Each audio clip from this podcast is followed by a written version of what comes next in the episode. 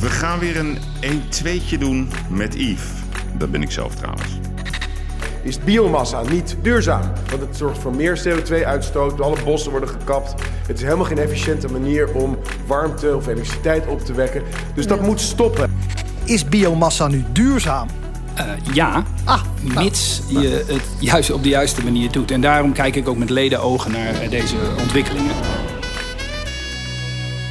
Welkom bij een nieuwe aflevering van de podcastserie Uitblinkers.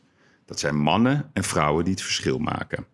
En deze week zeg ik welkom tegen mijn uitblinker Jaap Bakker. Hij is de oprichter van een nog relatief jonge groene energieleverancier Welkom Energie. Dat is een bedrijf dat levert groene stroom. Maar ik ben natuurlijk heel benieuwd, wat is groene stroom eigenlijk?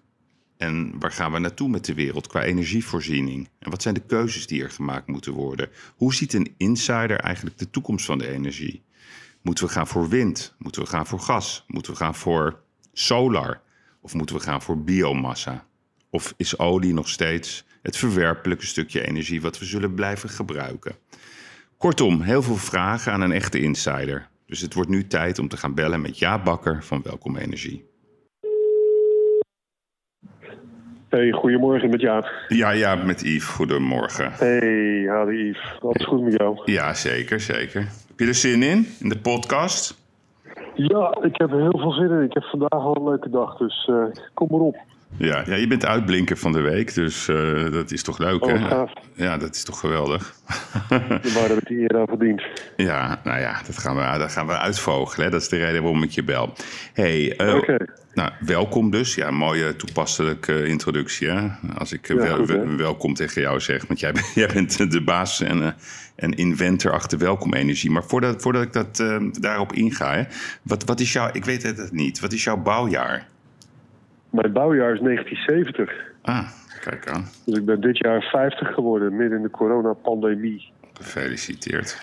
En ik heb als gevolg daarvan op eh, 23 mei mijn eh, feestje moeten cancelen. Oh, jullie hadden natuurlijk... eh, ja, je had een mooi feestje gehad. Wat zou je gaan doen?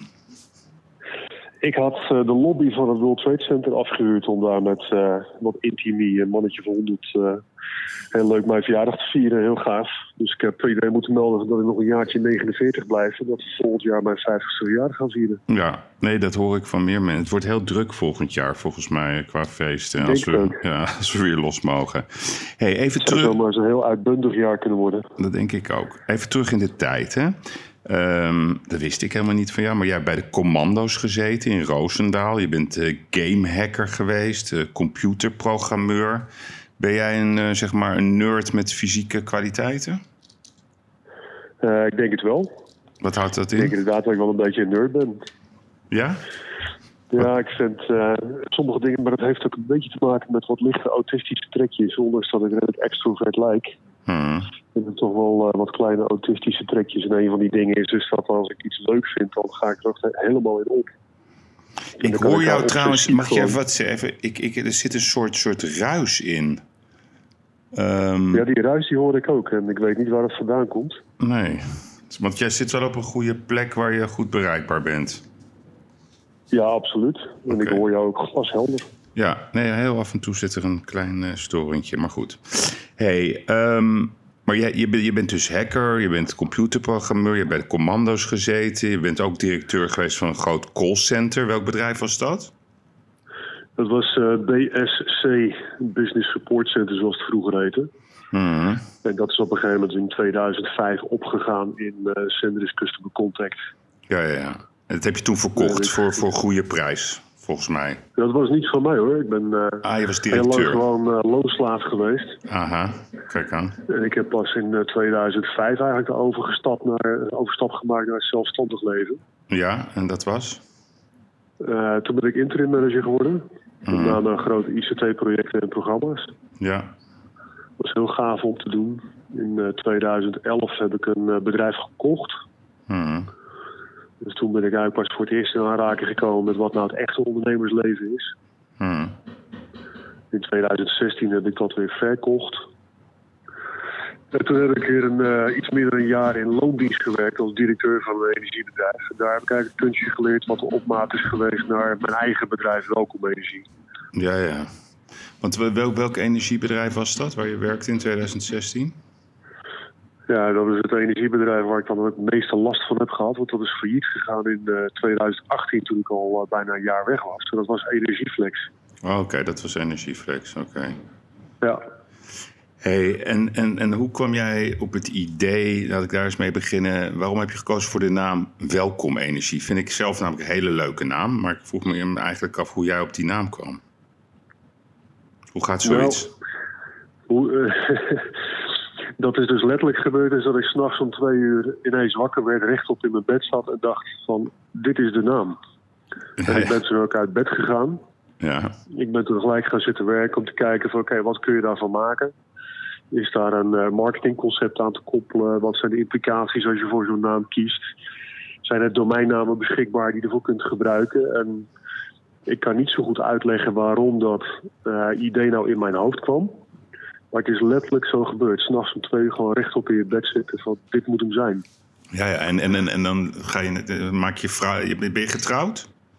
Ik ben uh, inderdaad uh, inmiddels alweer 2,5 jaar getrouwd. En maak je haar dan ook wakker van, schat, ik heb de naam, ik weet wat het is? Want dat is het gevoel, hè, dat veel mensen vaak niet begrijpen wat ondernemen is. Dat je gewoon midden in de nacht wakker wordt, inderdaad. En dan krijg je opeens een soort nou, brainwave. Mijn vrouw wakker maken s'nachts, dat is geen goed idee. Dat durf ik ook niet. Oh, oké, oké. Okay. Maar, maar, maar, maar zo... Als ik dat doe, dan, uh, dan wordt ze boos. Oh, oké, okay. dat wil ik ook niet. hey, maar um, dus op dat moment ontstaat dat. Dan ga je dus naar kantoor. En toen ben je begonnen in 2018 met Welkom Energie. Waar staan jullie vandaag? Kan je me eens wat, wat cijfertjes vertellen van, van het bedrijf? Ja, we zijn nou, even heel kort die, die, die aanloop nog even. 1 september 2018 ben ik uh, formeel gestart. Na een goed gesprek met mijn vrouw gezegd van ja, ik moet dit gewoon doen. Mm. Dat is dan nog wel iets meer voorbereiding aan vast overigens. Uh, 13 december 2018 hebben we vergunning aangevraagd bij de autoriteit Consument en Markt. Die hebben we ook heel snel gekregen, 13 februari 2019 al. Ja. En we zijn 13 april 2019 live gegaan. Nou, dus dan, toen kwam de eerste klant. En inmiddels zitten we op uh, bijna 60.000 klanten, anderhalf jaar later. Wauw. Uh, praat je over een inkomstenstroom van uh, meer dan 6 miljoen per maand al. Ja, ja. En volgend jaar gaan we richting de 110 miljoen. Zo. Dus, dus, je, dus dit jaar kom je uit op 70 miljoen of zo qua omzet? Nou ja, het gaat natuurlijk in stapjes omhoog. Hè? Dus dat wij dan in december meer dan 6 miljoen draaien, wil niet zeggen dat je dat gelijk keer 12 kan doen. Nee, oké. Okay. Dus ik denk dat we dit jaar zo rond uh, de 45 uitkomen. En dan volgend jaar 110, het jaar erop gaan we naar een kwart miljard. Jezus, maar dat zijn wel explosieve cijfers. Dat is een soort verdubbeling uh, per jaar van je omzet. Ja, dat klopt. Daar is de business case ook op geschreven. Maar even goed zijn het duizelingwekkende getallen. En ja. voelt het echt soms heel onwerkelijk aan waar je mee bezig bent. Mm. En hoe doe je, je dat dan? Gewoon aan het werken. Want het klinkt, klinkt, uh, het klinkt als een soort lineaal uh, die je aan me uitlegt, maar dat gaat volgens mij niet zonder uh, slag of stoot. Hoe, hoe, hoe, kan jij, hoe slaag jij erin om je bedrijf in een jaar tijd, zeg maar van, van, vanaf zeg maar eind 2020 naar eind 2021, te laten groeien met, nou ik reken even snel uit, met 125 procent ongeveer? En dan het jaar ja. erop ga je weer 100 tot 125 procent groeien. Hoe, hoe doe je zoiets? Ja, dat begint ten eerste met een heel goed plan. Hmm. En ten tweede, uh, massaconsumentenmarketing is echt wel een apart vak. En, uh, als je die markt heel goed begrijpt, en ik denk dus dat dat niet alleen voor de energiemarkt geldt, maar bijvoorbeeld ook voor telecom en andere massaconsumentenmarkten, hmm. dan moet je realiseren dus dat die hele markt is al bereikbaar. Dus elke consument is op een of andere manier wel benaderbaar voor een aanbod. En daar heb je allerlei salespartijen, saleskanalen, noem maar op uh, voor. En wat je doet is in, in, intikken zeg maar, op al die saleskanalen om te kijken van oké, okay, wat, wat kan ik daarvan krijgen? Mm. En uiteindelijk is uh, de prijs van een consument is afhankelijk van de hoeveelheid consumenten die jij graag als klant zou willen hebben. Dus je koopt ze gewoon. Ja, ja. Dus op het moment dus dat je dat financieel heel slim voorbereidt en heel slim vormgeeft in een business case, zegt van oké, okay, ik heb zoveel budget om deze maand zoveel klanten te kopen. We kunnen daar een plan op maken. En uiteindelijk is het kopen van klanten nog ineens het meest ingewikkelde van uh, een energiebedrijf. En dat zit hem dus meer in de inkoopkant van energie. Maar ook uh, retentie is gewoon een heel belangrijke uh, factor in ons bedrijf. Ja, ja, ja, precies. Retentie, zeg maar, dat het eh, steeds eh, weer terugkomt. En, en wat is de gemiddelde eh, nota per maand van een klant van jou? Eh, ja, ik ga natuurlijk wel heel veel geheimpjes van het bedrijf eh, voor blootgeven op die manier. Nee, we zeggen, laten we even zeggen dus dat voor de gemiddelde consument in zijn algemeenheid is de gemiddelde nota rond eh 130, 140 euro. Mhm. Ja, maar daar zitten jullie Dat onder. Daar zit jij onder. Daar zit je dan, zit jij daaronder? Nou nee, wij zitten ongeveer rond dat bedrag. 130, maar dat is 130 per maand, toch? Ja, ja, oké. Ja, ja. Ja. oké. Dan vermenigvuldig ik dat even maal 12, dus 1500. 60.000 klanten hoorde ik net, maar dan zit je toch op 90 miljoen? Dan zit je op 95 miljoen, dus misschien zitten we een heel klein beetje daarboven soms. Ja, ja, oké. Dus ja, oké. Want je zit nu, je gaat nu naar dat level hè, van die 60.000. Dat is natuurlijk een, een schaal Ja. die naar omhoog gaat. Dus je gaat eigenlijk, als ik het zo hoor, eh, zit je dan eh, eind 2021 op een 80.000 klanten. Kan ik dat, is dat een beetje goed berekend? Ja, dat zou ongeveer wel kunnen kloppen, ja. Ja. Hey, en als je kijkt naar de markt, hè, want dat is voor heel veel mensen natuurlijk niet te volgen, inclusief ehm, mijzelf. Ehm, als ik denk aan energie in Nederland, dan denk ik aan Essent. Eh, ik denk aan Eneco. Ik denk aan Vattenfall. Eh, Ja. Green Choice. Ehm, ja, leg mij eens even uit eh, hoe die markt werkt in Nederland. Ja, dat is. eh, kijk, vroeger had je natuurlijk alleen maar de overheidsnutsbedrijven. Ja. En in 2002 is dat geprivatiseerd. En op 2001. dat moment. 2001. 2001, Ja, ik had ja, even ja. opgezocht. Ja, nee, je hebt het helemaal goed. Ja. Ik zat er in ieder geval niet ver naast. Hmm. Maar vanaf dat moment had je eigenlijk maar drie energiebedrijven waar je uit kon kiezen. En vanaf dat moment, door die vrijgave van de markt, zijn daar aanbieders bijgekomen. Dat betekent dus ook dus dat die 8 miljoen huishoudens met al die aansluitingen, die waren in beheer bij drie bedrijven die vanaf dat moment concurrentie gingen krijgen. Dus je ziet nog steeds een beetje die scheuring in die markt waarin je die grote drie hebt, die alleen maar met name iets te verdedigen hebben. En dus alle nieuwkomers die een bedrijf aan het opbouwen zijn. Nou, inmiddels heb je daar een soort tweede laag in gekregen. Daar hoort zeker een Green Choice in thuis, wat ik echt een heel mooi bedrijf vind. Daar hoort ook een budget energie in thuis, eh, NLE, eh, Oxio. En zo heb je dus een, een, middenmoot aan bedrijven gekregen die absoluut eh, challenges waren vanaf die vrijgave van de markt. En inmiddels behoren dus ook tot de, de top en daarbij een heel groot marktaandeel vertegenwoordigen. Hmm. Ja, en dan volgen er nog een hele sloot aan kleinere bedrijven die ofwel een niche opereren of specifiek gekozen hebben voor business to business. Of inderdaad op de consumentenmarkt eh, proberen ook te challengen. Hmm. Maar het is nog niet zo makkelijk als dat iedereen denkt hoor. Nee, nee, zult echt een aantal zaken goed geregeld moeten hebben. nee, dat begrijp ik. Maar, maar goed, dus zeg maar in Nederland, eh Essent is de grootste, klopt dat? Dat zou heel goed kunnen zijn, ja. ja. En hoeveel klanten hebben die Die, eh, dan bijvoorbeeld? Zo'n Essent? Ja, het getal is niet helemaal eh, openbaar, maar ik gok zo'n beetje op eh, anderhalf miljoen. Ja, ja oké. De consumentenmarkt dan, hè? Het Ja. niet over de zakelijke markt. Nee, precies. En als je dan kijkt naar de rekeningen, dus ehm, ik ga het even vergelijken bijvoorbeeld met eh tanken aan de pomp. Dus Ja. als je aan de pomp staat, dan kan je bijvoorbeeld een liter dieselbenzine erin gooien of je gooit er ge- gewone benzine in. Nou, en op een gegeven moment kom je tot de conclusie van dat 73% van wat er in je tank gaat, dat gaat naar de Belastingdienst. Dat weten heel veel mensen helemaal niet. Natuurlijk ongelooflijk eh, hoog percentage. Want ik, wou, ik, ik, ik, als ik in het buitenland was, in het Midden-Oosten, en toen dacht ik altijd: hè, hoe kan het nou dat een identiek product in zo'n land bijvoorbeeld eh, vijf dubbeltjes kost of acht dubbeltjes? Maar goed, dat zit hem dus in de belastingen. Hoe hoog is Ja. eh, het onderdeel belasting op een energierekening? Ja, ook zoiets, 65, 70 procent. Ja, ja, dus dat is voor de overheid natuurlijk een enorme winstpakker, zeg maar, die hele energiemarkt. Ja, dat is eh, nou ja, inderdaad samen met eh, loonheffing, eh, accijnzen en energiebelasting hebben ze daar een enorme melkkoe te pakken bij de consument. Ja, je hebt een aantal soorten dingen die je betaalt op het moment dus dat je een energierekening krijgt. Hmm. En dat is een heel beperkt deel daarvan. is eigenlijk een stukje waar wij geld mee mogen verdienen, wat onder eigen beheer ligt. Want. Daar kopen wij energie voor in en dat verkopen wij aan jou. ja, Maar daar betalen we uiteraard natuurlijk ook gewoon BTW over. Dus dat is al 21% die hier te pakken wordt. ja. Eh, dan heb je nog een stukje waarbij je betaalt voor de kabels en leidingen die uitkomen bij jou in het huis. Mhm. Dat noemen ze dan eh, transportkosten. Nou, die betalen wij aan de transportbedrijven, zoals een Enexis of een Liander. En als laatste blijft een hele sloot aan de energiebelasting en opslag duurzame energie over, waar ook gewoon weer 21% btw over gerekend wordt. Mhm. En dat is voor belastingfreaks wel een leuke. Het is de enige belasting in Nederland waar je belasting over betaalt. En dat is wel een hele grappige. Ja, Je ja, ja. betaalt gewoon twee keer belasting. Je betaalt energiebelasting en daarover nog eens 21% eh, btw. Ja, ja. Ja, zo, zo word je echt wel fors eh, nou ja, te pakken genomen. Misschien een heel sterk woord. Nou ja, het is, de- het is toch... Kijk, De belastingdruk is hoog. Ja, de belastingdruk is erg hoog.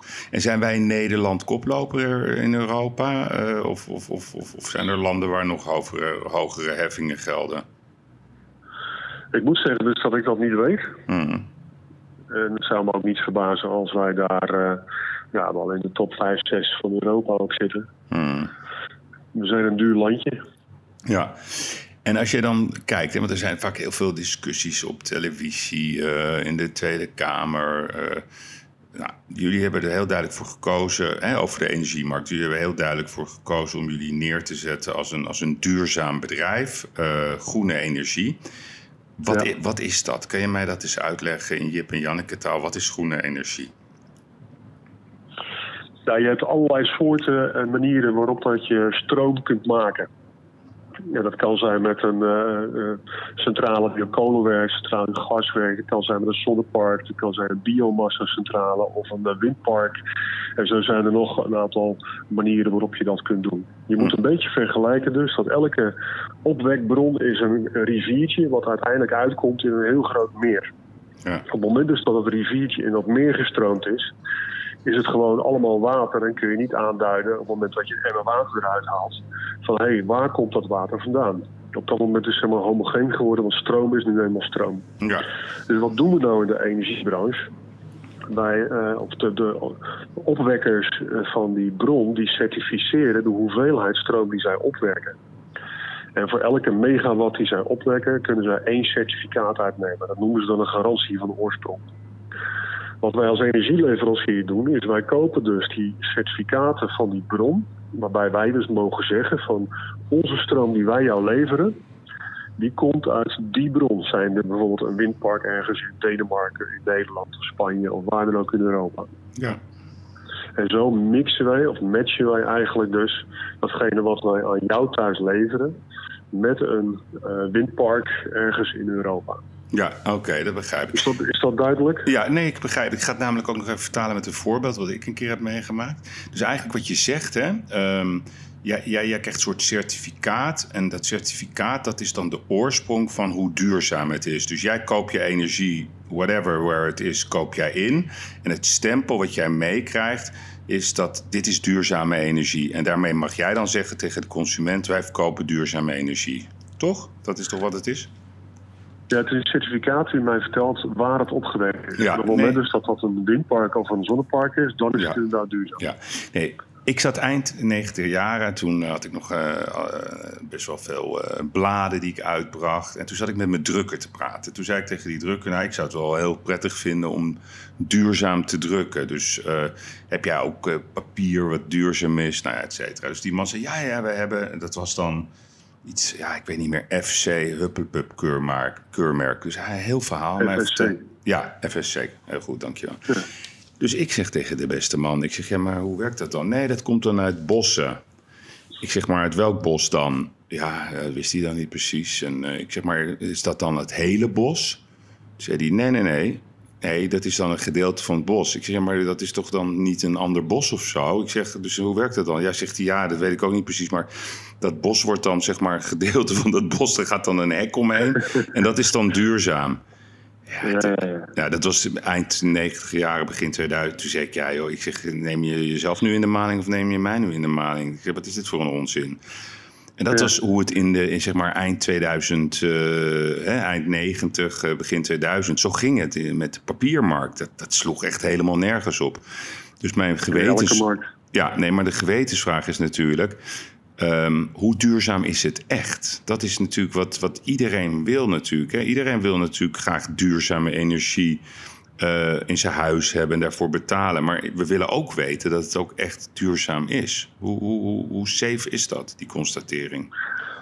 Ik zal vast één correctie maken op wat je net zei. Eh, Mhm. Je zegt dat iedereen wil duurzame energie en daarvoor betalen. Dat laatste is dus in 80% van de gevallen niet waar.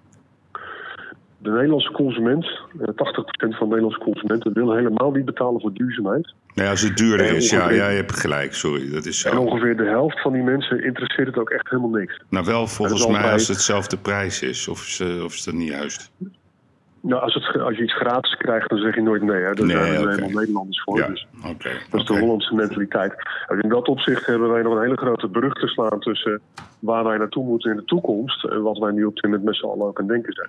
Mhm. Maar als het gaat om de herleidbaarheid van hoe eh, waar is het nou eigenlijk wat ik vertel, eh, dan kan ik inderdaad zeggen van ja, maar die certificaten die worden door een officiële instantie geregistreerd. En we kunnen daadwerkelijk ook eh, controleren dus dat waar ik certificaten voor heb ingekocht, dat het ook een fysiek park is wat daadwerkelijk bestaat.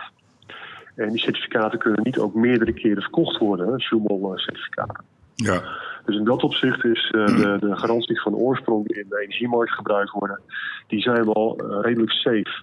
Je kunt het een beetje vergelijken als eh, gold standard. Goldstandard.org, zou ik zeker eens naar kijken. Die geven carbon credits uit. En op het moment dus dat jij een certificaat koopt voor een CO2-reductie, Mhm. dan kun je stellen dus dat gold standard ervoor zorgt dus dat het ook daadwerkelijk zo is.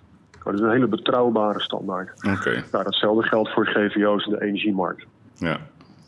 Ja, ja, dus, die, die, dus zeg maar de, de- wat heel belangrijk is, is het, de certificering van betrouwbaarheid. Om een gevoel te hebben van, hé, hey, ik zit goed. Hè? Want dat is wat we uiteindelijk willen. We niet weer achteraf tot de conclusie komen dat je zegt, ja, ik betaal nu heel dik voor eh, duurzame energie. Of, of ik kies voor duurzame energie en het blijkt niet duurzaam te zijn. Dus, dus zeg maar de verificatie moeten we zoeken in, zeg maar, die certificaten en... Ja, en in een gold standard bijvoorbeeld. Want als jij kijkt hè, eh, ja, naar, naar de toekomst van de energiemarkt. Hè, eh, en we gaan bijvoorbeeld naar 2040. Hoe denk je dat dan eh, de verhoudingen liggen? Dus waar krijgen we onze energie vandaan? Wat denk jij? Ehm, ja, ik ben een enorme scepticus waar het gaat om de ontwikkeling van de maatschappij en de wereld. Als ik even kijk wat ik graag zou willen en waar ik echt warm voor loop, is dat we steeds meer naar een situatie toe gaan dat eh, huishoudens eh, zelfvoorzienend worden. Ja, ja. Nou, dit betekent dus dat jij, eh, jouw huis zo duurzaam gebouwd is dan wat verbouwd. Dat jij in staat bent om voor 90% in je eigen energiebehoefte te voorzien. Voor verwarming en allerlei apparatuur. Ik denk dat 2040 dat op zich een hele mooie scope is qua termijn om die doelstelling ook te realiseren. Dus qua innovaties zullen we dus allerlei technieken moeten ontwikkelen die dat gaan ondersteunen. Eh, zonnepanelen is er maar eentje, warmtepomp is er ook maar eentje. Maar je hebt veel meer nodig om volledig onafhankelijk te zijn van het energienet. En het energienet wordt eigenlijk alleen maar gebruikt als een soort eh, reserveoptie als, als het niet genoeg is. Hm. Ik hoop, ik hoop dus dat we daar naartoe gaan, naar die toekomst. En dat we met elkaar het bewustzijn krijgen, dus dat we dat moeten doen. Omdat ehm, ja, we zijn uiteindelijk natuurlijk gewoon de wereld naar de kloot aan het helpen. Ja, nee, want ik zat zelf even kijken in allerlei trendrapporten. En toen kwam ik best wel van een, eh, van een bekend instituut. eh, en die voorspelde voor 2040 wind 54,1 procent. Gas Mhm. 26,4 procent. Solar, hè, dus eh, dat zijn de zonnepanelen, 18 procent.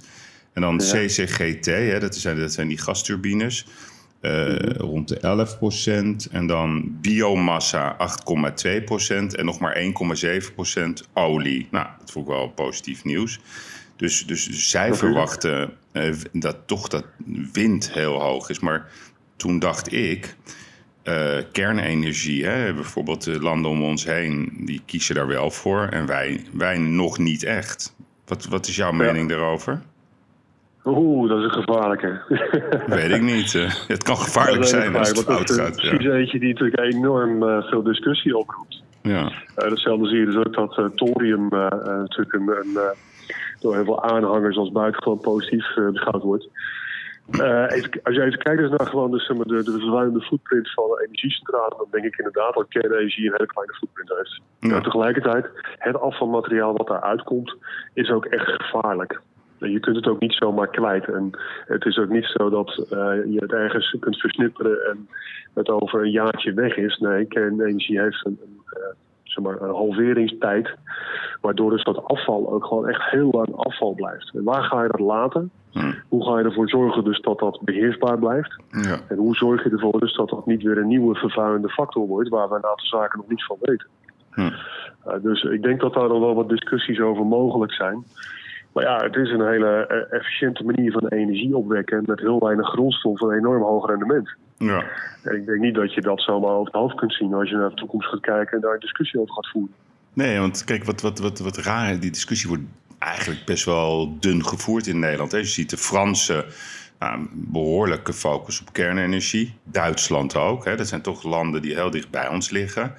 En, Mhm. en bij ons ja, is het echt gewoon eh, bijna... Je krijgt bijna een raketwerper op je afgevuurd als je over kernenergie begint. Dus kijk, en dat komt misschien doordat we natuurlijk meteen denken aan Tsjernobyl. Hè? Dus eh, we denken Ja. aan eh, Japan, wat daar gebeurd is. Dus het, is, Ja. het wordt geregeerd door angst, die discussie. Ik denk zelf heb ik zoiets van, ja, is kernenergie wel zo slecht? Ik heb er te weinig verstand van, maar mijn gevoel zegt van, nou, ik weet niet eigenlijk of dat zo slecht is.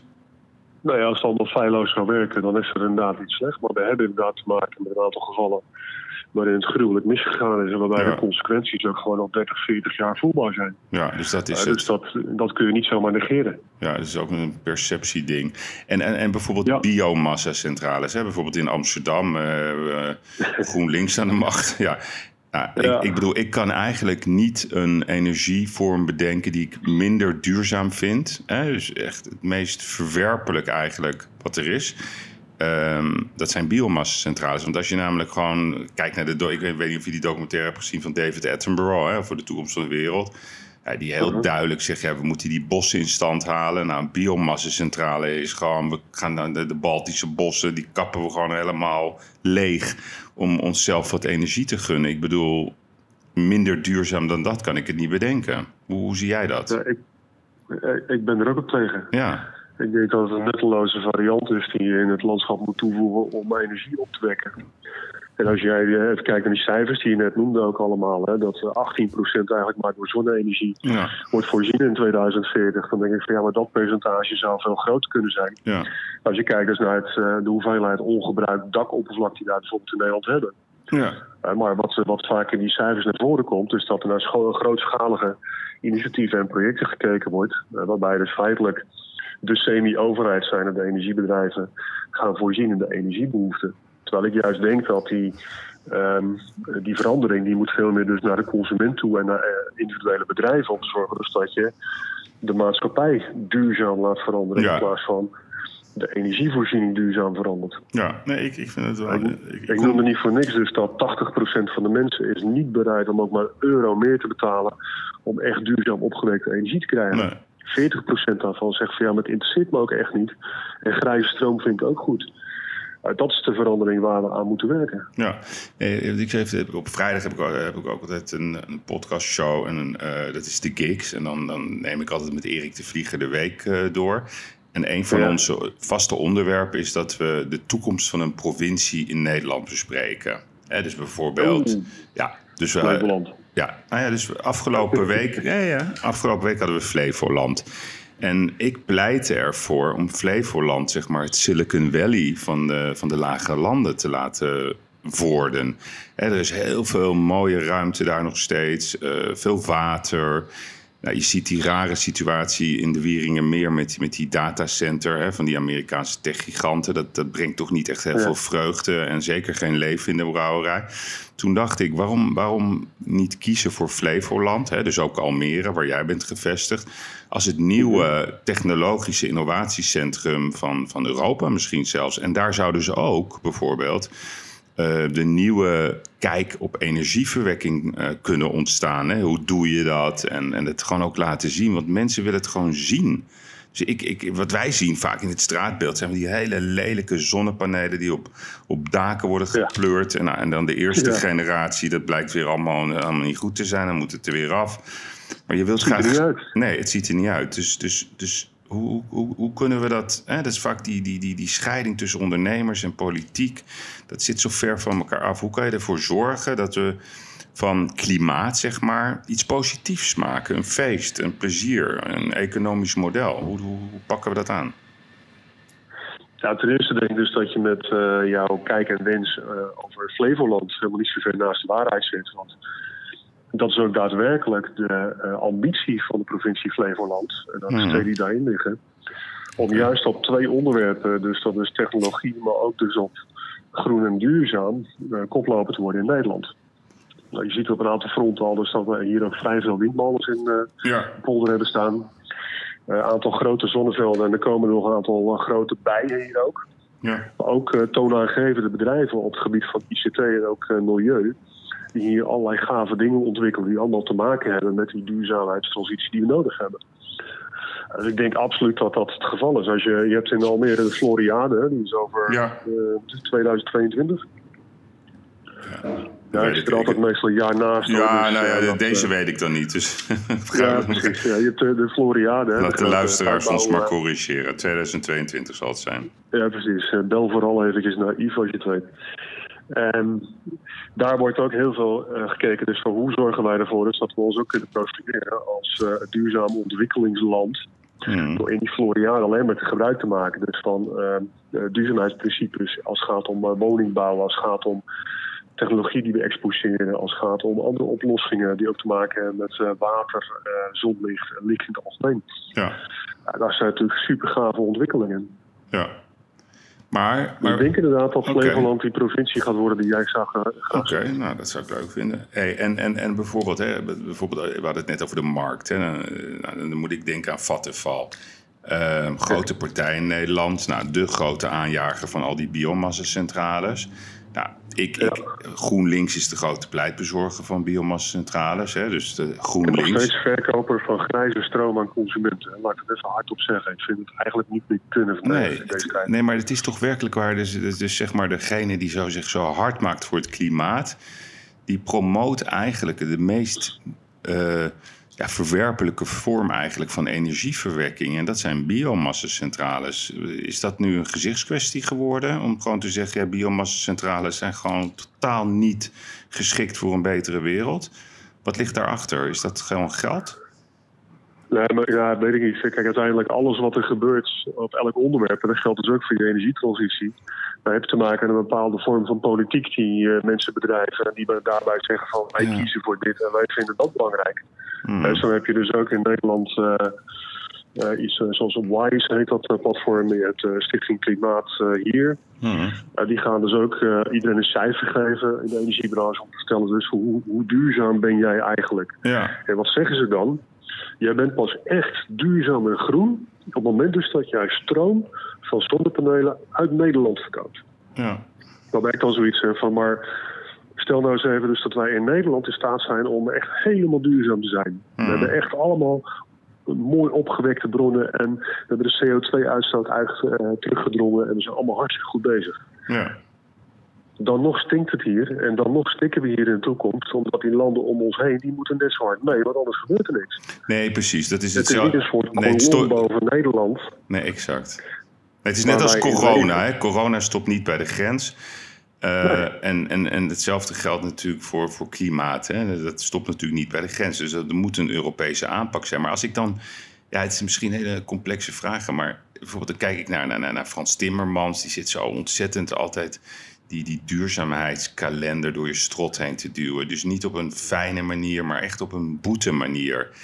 En ik zou het veel fijner vinden als er op Europees niveau gewoon een soort OMT komt met, met mensen die, punt 1, eh, onafhankelijk zijn, objectief, eh, ongelooflijk ter zake kundig. En dat wij het vertrouwen ook hebben dat we met elkaar, dus niet tegen elkaar, maar met elkaar, ja, die mooie nieuwe wereld gaan creëren. Waarom moet het altijd door onze strot worden geduwd? Dat snap ik niet. Is dat allemaal politiek? Dus. Nou, dat is niet alleen maar politiek. Hè. Politiek, dat is, eh, dat, is, dat is het verdedigen van specifieke belangen. Hm. Uh, maar uiteindelijk het hogere doel is dus dat we die stap gaan maken richting 2040 en 2050. Ja, En daarbij heb je dus weer even een sceptische houding ten opzichte van de wereld en de maatschappij. Het, ge- de helft van de wereld wil niet veranderen, interesseert het geen moer, omdat ze niet begrijpen dat over 50 jaar onze kinderen moeite krijgen met ademhalen en allerlei nieuwe ziektes gaan ontwikkelen als gevolg van ons gedrag. ja. Ja, ja. Maar goed, En als je wat, daarover nadenkt, dan denk je van, ja, verrek, hey, maar dat is toch waar we het voor doen. ja, dus wat jij zegt eigenlijk is... als we die, die mooiere wereld willen creëren... dan zullen we moeten, toch onze focus moeten leggen op zelfvoorziening. Dat is eigenlijk wat jij zegt en waar je voor pleit. Klopt dat? Ja, dat klopt. Ik hoop eh, dat we inderdaad daar naartoe gaan. Oké. En nu we het toch even hebben over bedreigingen, want het gaat natuurlijk niet alleen maar over milieu en energie. Nee. Eh, De kern van ons bedrijf is dus dat wij eh, maatschappelijk eh, geëngageerd zijn en daar ook een hoop in willen doen. Eh, de twee grootste risico's voor de toekomst die ik zie, die hebben niets te maken met energie, maar wel weer te maken met hetzelfde sceptische beeld van de maatschappij.